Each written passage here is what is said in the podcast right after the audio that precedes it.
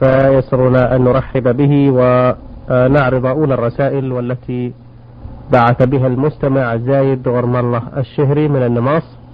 يقول لي والدة وقد ورثت نصيبها من بعد أبيها المتوفى فأعطته لأخيها الشقيق علما أن لها ثمانية أولاد آه، بين ذكور وإناث. فهل تجوز مثل هذه الهبة شرعا؟ وما مقدار نصيب أولادها من إرثها. بسم الله الرحمن الرحيم. الحمد لله رب العالمين وأصلي وأسلم على نبينا محمد وعلى آله وأصحابه أجمعين.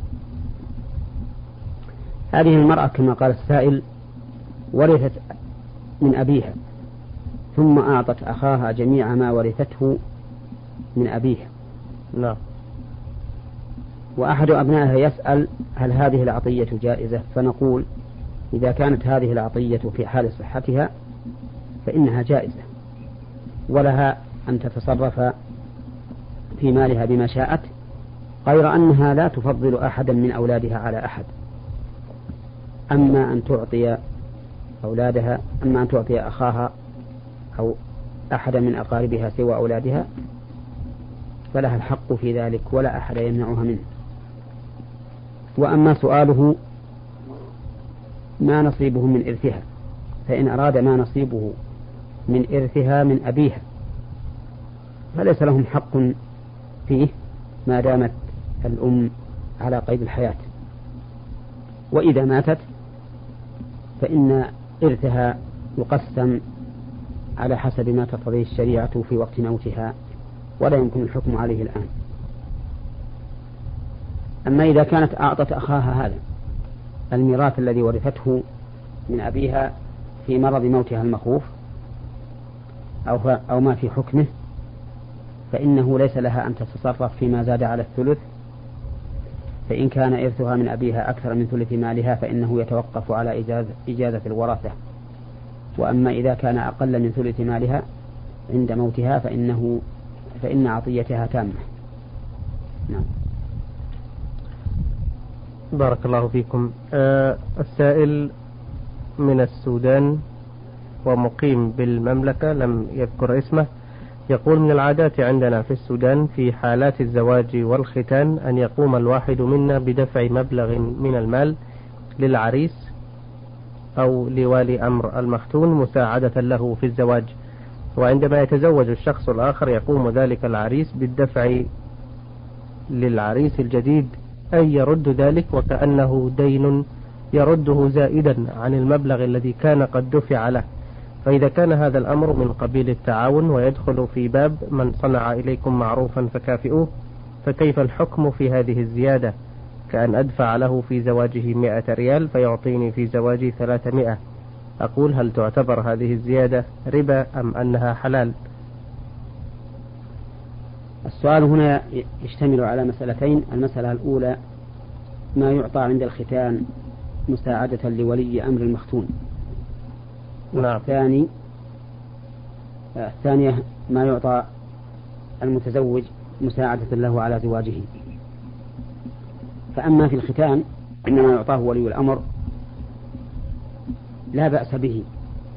إذا كان يتحمل مالا كثيرا فيعطى مساعدة له.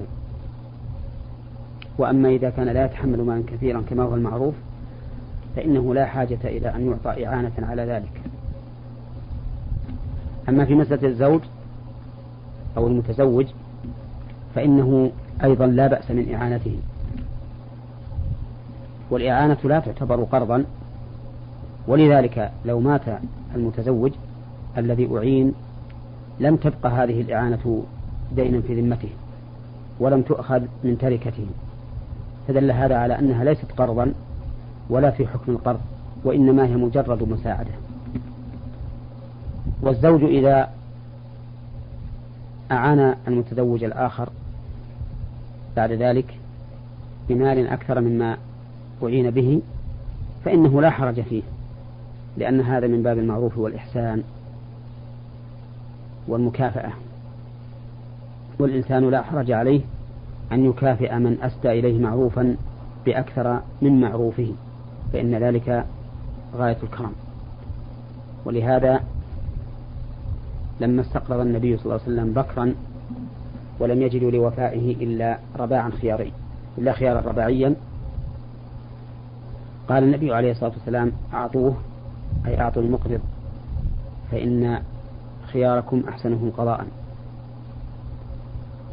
نعم. نعم. آه هذه رسالة من السائل جيم ميم عين من المدينة المنورة. يقول هل يجوز للمرأة أن تكشف عن وجهها وكفيها أمام إخوان زوجها من الرجال أم أن هذا حرام؟ فبعض الناس قال إن وجه المرأة وكفيها ليس بعورة ويجوز لها أن تكشف عن وجهها وكفيها بعد أن تغطي شعر رأسها وبقية جسمها. وبعضهم قال إن هذا حرام ولا يجوز للمرأة أن تكشف عن وجهها أمام إخوان زوجها وأنا الآن لا أعرف أين الصواب من الخطأ.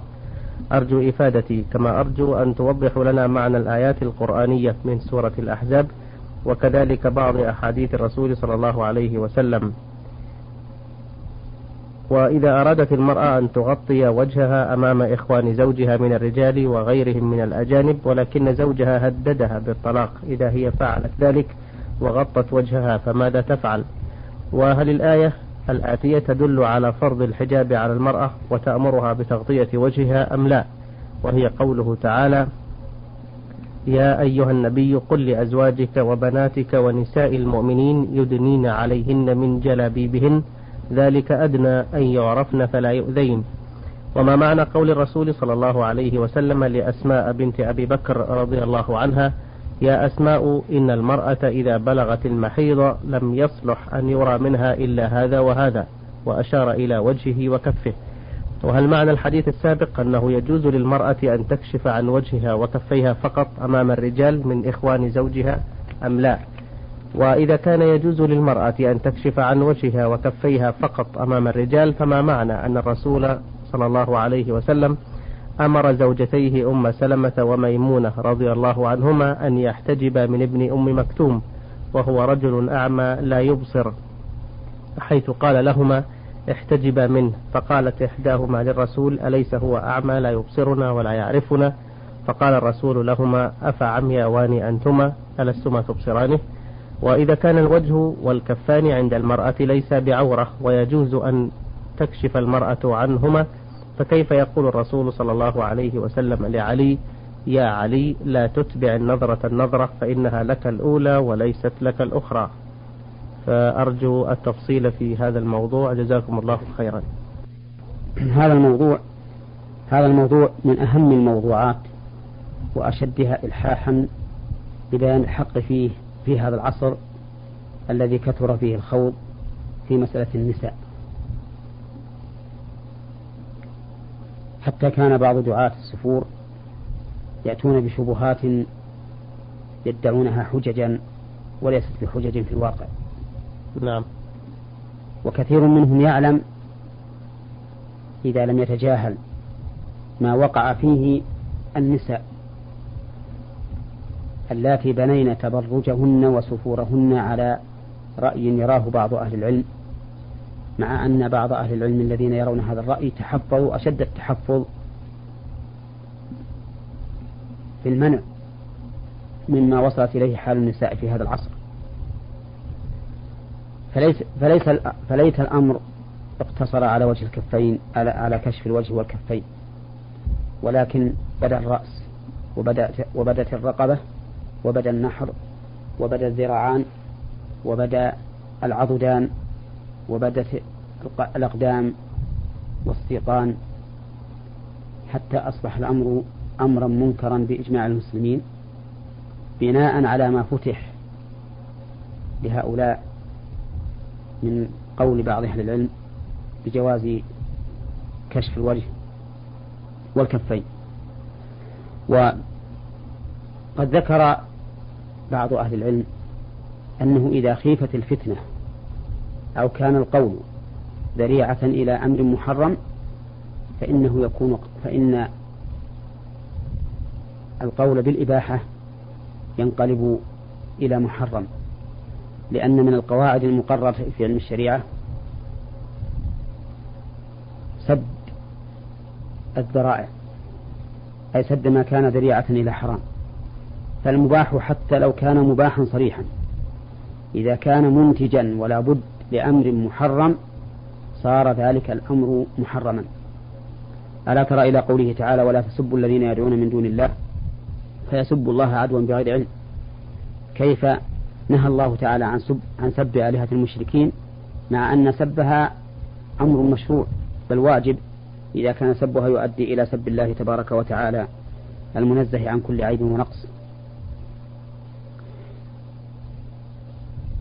وقد ذكر بعض أهل العلم أنه بإجماع المسلمين إذا خيفت الفتنة من كشف الوجه واليدين عن الكفين فإن كشفهما يكون حراما والفتنة في زماننا هذا محققة في كشف الوجه والكفين نعم. وعلى هذا فيكون مقتضى هذا القول الذي لا شك فيه فإن العلماء قد قيدوا جواز كشف الوجه والكفين بأمن الفتنة. فإذا خيفت الفتنة فهو حرام. وبعد هذه المقدمة نجيب على هذا السؤال بإذن الله تعالى فقرة فقرة. فقول السائل هل يجوز للمرأة أن تكشف عن وجهها وكفيها أمام إخوان زوجها من الرجال؟ أم أن هذا حرام؟ نقول إن هذا حرام. فإن إخوان زوجها كغيرهم من الأجانب لا يحل لهم أن ينظروا إلى زوجة أخيهم ولا يحل لها أن تكشف عن وجهها وكفيها أمامهم كما لا يحل ذلك في غيرهم أيضا. بل إن إخوان الزوج وأقاربه أشد خطرا من الأجانب. ولهذا لما حذر النبي صلى الله عليه وسلم من الدخول على النساء قالوا يا رسول الله أرأيت الحمو؟ قال الحمو الموت.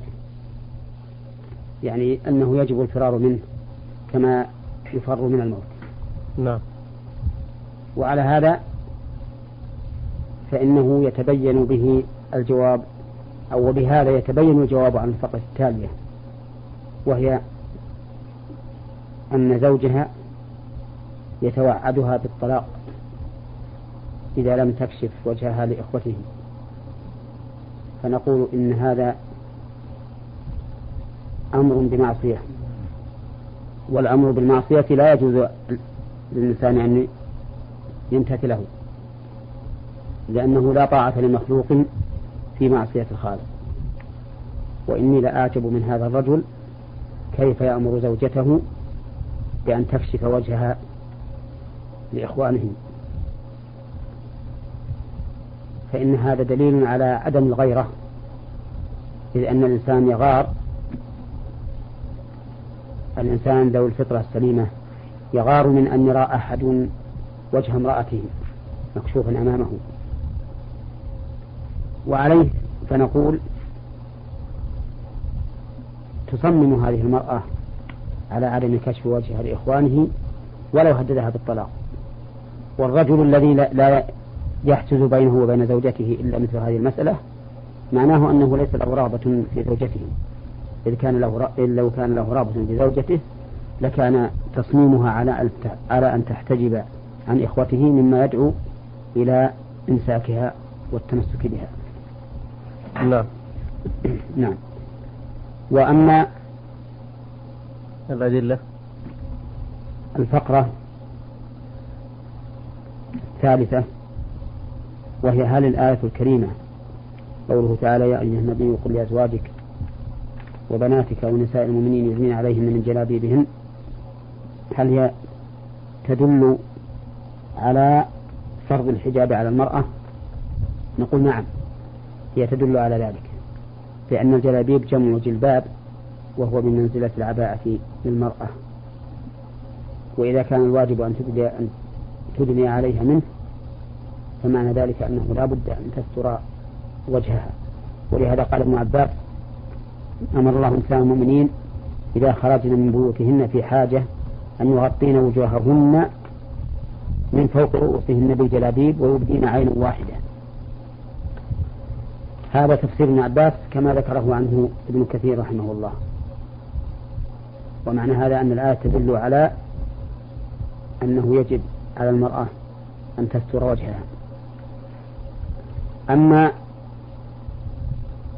ما ذكره السائل من حديث أسماء بنت أبي بكر أن النبي صلى الله عليه وسلم قال إن المرأة إذا بلغت المحيض لم يصلح أن يرى منها إلا هذا وهذا وأشار إلى وجهه وكفيه. فالحديث ضعيف.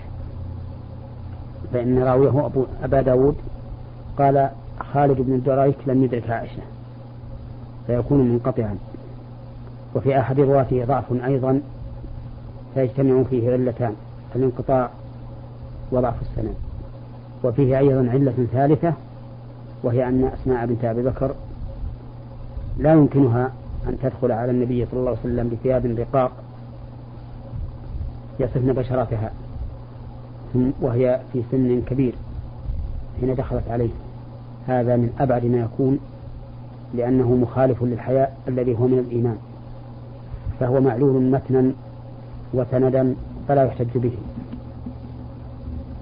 وأما ما ذكره السائل في حديث أم سلمة وميمونة حين دخل عليهما ابن أم مكتوم فأمرهما النبي عليه الصلاة والسلام أن يحتجب منه الحديث ضعيف.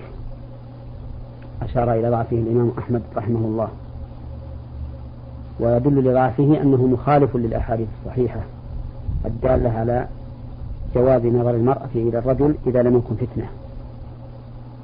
فإن عائشة رضي الله عنها كان النبي عليه الصلاة والسلام يسترها فتنظر إلى الحبشة وهم يلعبون في المسجد. وفاطمة بنت قيس أمرها النبي صلى الله عليه وسلم أن تعتد في بيت ابن أم مكتوم. وقال إنه رجل أعمى تضعين ثيابك عنده. وكذلك عمل الناس يدل على هذا. نعم. فإن المرأة تمشي في السوق محتجبة لكنها ترى الرجال من وراء حجابها. ولو كان نظرها إلى إلى وجه الرجل محرما لوجب على الرجال أن يحتجبوا عن النساء كما يحتجب النساء عن الرجال. وهذا أمر خلاف المعلوم والمعهود في أعراف المسلمين. فالصحيح أن المرأة يجوز لها أن تنظر إلى وجه الرجل بشرط أن لا يكون هناك فتنة فإن كان هناك فتنة فهو محرم. نعم. وبهذا يتبين الجواب عن الفقرة الأخيرة التي ذكر فيها حديث, علي حديث علي بن أبي طالب رضي الله عنه أن النبي صلى الله عليه وسلم قال لا تتبع النظرة النظرة فإنها فإنما لك الأولى وليس لك الثانية. فإن هذا يؤيد ما ذكرناه من تحريم نظر الرجل إلى وجه المرأة وأنه يجب على المرأة أن تستر وجهها عن الرجال. وهذا الحديث صحيح؟ حديث علي بن أبي طالب؟ لا لا يحضرني الآن. هل هو صحيح أو حسن؟ نعم. لكن على إيراد السائل له نقول إنه يؤيد ما ذكرناه ولا يعارضه. نعم بارك الله فيكم. آه هذه رسالة من السائلة أم عوف من العراق بغداد. تقول هي امرأة كانت متزوجة وأنجبت من زوجها ابنا وبنتا خلال ثلاث سنوات وبعد ذلك حصل بينهما سوء تفاهم ونشبت بينهما خلافات فهجرها وانفصلت عنه بدون طلاق وبقيت مدة ست سنوات دون أن يطلقها فرفعت عليه دعوا في المحكمة طالبة الطلاق ولم يحضر هو بل وكل والده وفعلا حضر والده وصدر الحكم لصالحها بالتفريق بينهما. فهي تسأل أولا هل هذا يعتبر طلاقا شرعيا بهذا الشكل وتبدأ فيه العدة من تاريخ صدور الحكم أم ماذا؟ وما هو الحكم الشرعي في فعل هذا الزوج معها؟ وهل تجب آه، عليه لها النفقة خلال تلك المدة التي علقها فيها؟ هذا الذي جرى من المحكمة لا يعتبر طلاقا. وإنما هو فسخ.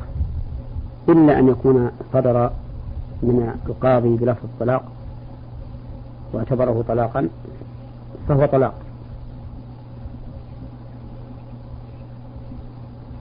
ويحكم بالعدة من صدور الحكم أي من تاريخ صدور الحكم لا من علمها بها أي علمها بهذه المفارقة. وأما وجوب النفقة عليه في مدة تعليقها فإن هذا لا يرجع إلينا وإنما يرجع إلى المحكمة إذا شاءت أن تطالبه بذلك فإن المحكمة هي التي تفصل بينهما وإن تركته فلا حرج عليها لأن الأمر يرجع إليها هي. لكن هو ألا يأثم بتركها هذه المدة الطويلة دون أن يأثم بأمرها نعم. نعم يأثم إذا لم يكن منها سبب إن كان منها سبب نعم. فإنه لا إثم عليه لأننا في الحقيقة لا ندري ما هو سبب هذا الخلاف وسبب مفارقتها لبيت زوجها. قد تكون هي السبب في ذلك فإذا كانت هي السبب في ذلك فإنه ليس لها نفقة وليس عليه إثم في هجرها ما دامت هي التي هجرته. نعم. آه هذا السؤال من المستمع عبد السلام عجة من جمهورية جيبوتي. آه يقول إذا غاب رجل عن زوجته مدة طويلة ولا يعلم خبره فتزوجت من رجل آخر وبعد عشرتهما مدة عاد زوجها الأول من غيبته فهل يستمر نكاح الرجل الثاني بها أم ينفسخ؟ ولو قدر بينهما ولد فلمن يلحق نسبا؟ وهل تعتد من الزوج الثاني وإذا عادت للأول فهل يكفي عقدهما القديم أم لا بد من تجديد عقد؟ هذه مسألة يعبر عنها بتزوج امرأة مفقود. فإذا فقد الزوج ومضت المدة التي يبحث عنه فيها ثم حكم بموته واعتدت منه وتزوجت آخر ثم قدم فإن له الخيار بين أن يبقي الزواج بحاله وبين أن ترد زوجته إليه. فإن بقي الزواج بحاله فالأمر ظاهر والعقد صحيح.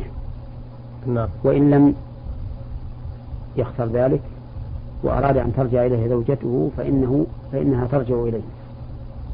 ولكنه لا يجامعها حتى تنتهي عدتها من الثاني ولا تحتاج إلى عقد بالنسبة للزوج الأول لأن نكاحه الأول لم يوجد ما يبطله حتى تحتاج إلى عقد وأما ولدها من الزوج الثاني فهو ولد شرعي ينسب إلى أبيه لأنه حصل من نكاح مأذون فيه وما ترتب على المأذون فهو حق وصحيح. إنما الزوج الثاني ليس له خيار فيما إذا أراد الزوج الأول استرجاع الزوج الثاني ليس له خيار فيما إذا أراد الخيار للأول فقط. الأول فقط. نعم, نعم. آه السؤال الثاني يقول إذا وجب على المرأة صيام شهرين متتابعين فهل انقطاع صيامها بسبب عذرها الشرعي يؤثر على شرطية التتابع؟ لا يؤثر على شرطية التتابع لأنه إفطار بعذر شرعي. وهكذا نقول في غيرها. ومن كان عليه صيام شهرين متتابعين فقطع التتابع بعذر شرعي أو بعذر حسي فإنه لا ينقطع التتابع فإذا قدر أن شخصا عليه صيام شهرين متتابعين فسافر في أثنائهما فإن سفره هذا إذا أفطر فيه لا, لا ينقطع به التتابع لأنه فطر مأذون فيه. وكذلك لو انقطع بعذر شرعي كما لو صار في أثناء هذين الشهرين صادف شهر رمضان أو صادف أيام عيد الأضحى وأيام التشريق وما أشبه ذلك فإنه لا يقطع التتابع إنما عليه آه، يعني فورا أو فور انتهاء هذا العذر أن يستأنف الصيام. نعم. نعم. بارك الله فيكم. أيها الإخوة الكرام في حلقتنا اليوم استعرضنا رسائل الإخوة زايد غرم الله الشهري من النماص والأخ سوداني مقيم بالمملكة لم يذكر اسمه في رسالته والمستمع حاء ميم عين من المدينة المنورة والمستمعة أم عوف من العراق بغداد والمستمع عبد السلام معجة من جمهورية جيبوتي. آه، أجاب عن أسئلة هؤلاء الإخوة الشيخ محمد بن صالح العثيمين. المدرس بكلية الشريعة بجامعة الإمام محمد بن سعود الإسلامية بالقصيم وإمام وخطيب المسجد الجامع الكبير بعنيزة. فشكرا له على إجابته وشكرا لكم على حسن المتابعة وإلى اللقاء. والسلام عليكم ورحمة الله وبركاته. نور على الدرب. برنامج يومي يجيب فيه أصحاب الفضيلة العلماء على أسئلة المستمعين الدينية والاجتماعية. البرنامج من تقديم وتنفيذ أحمد عبد العزيز الغامدي.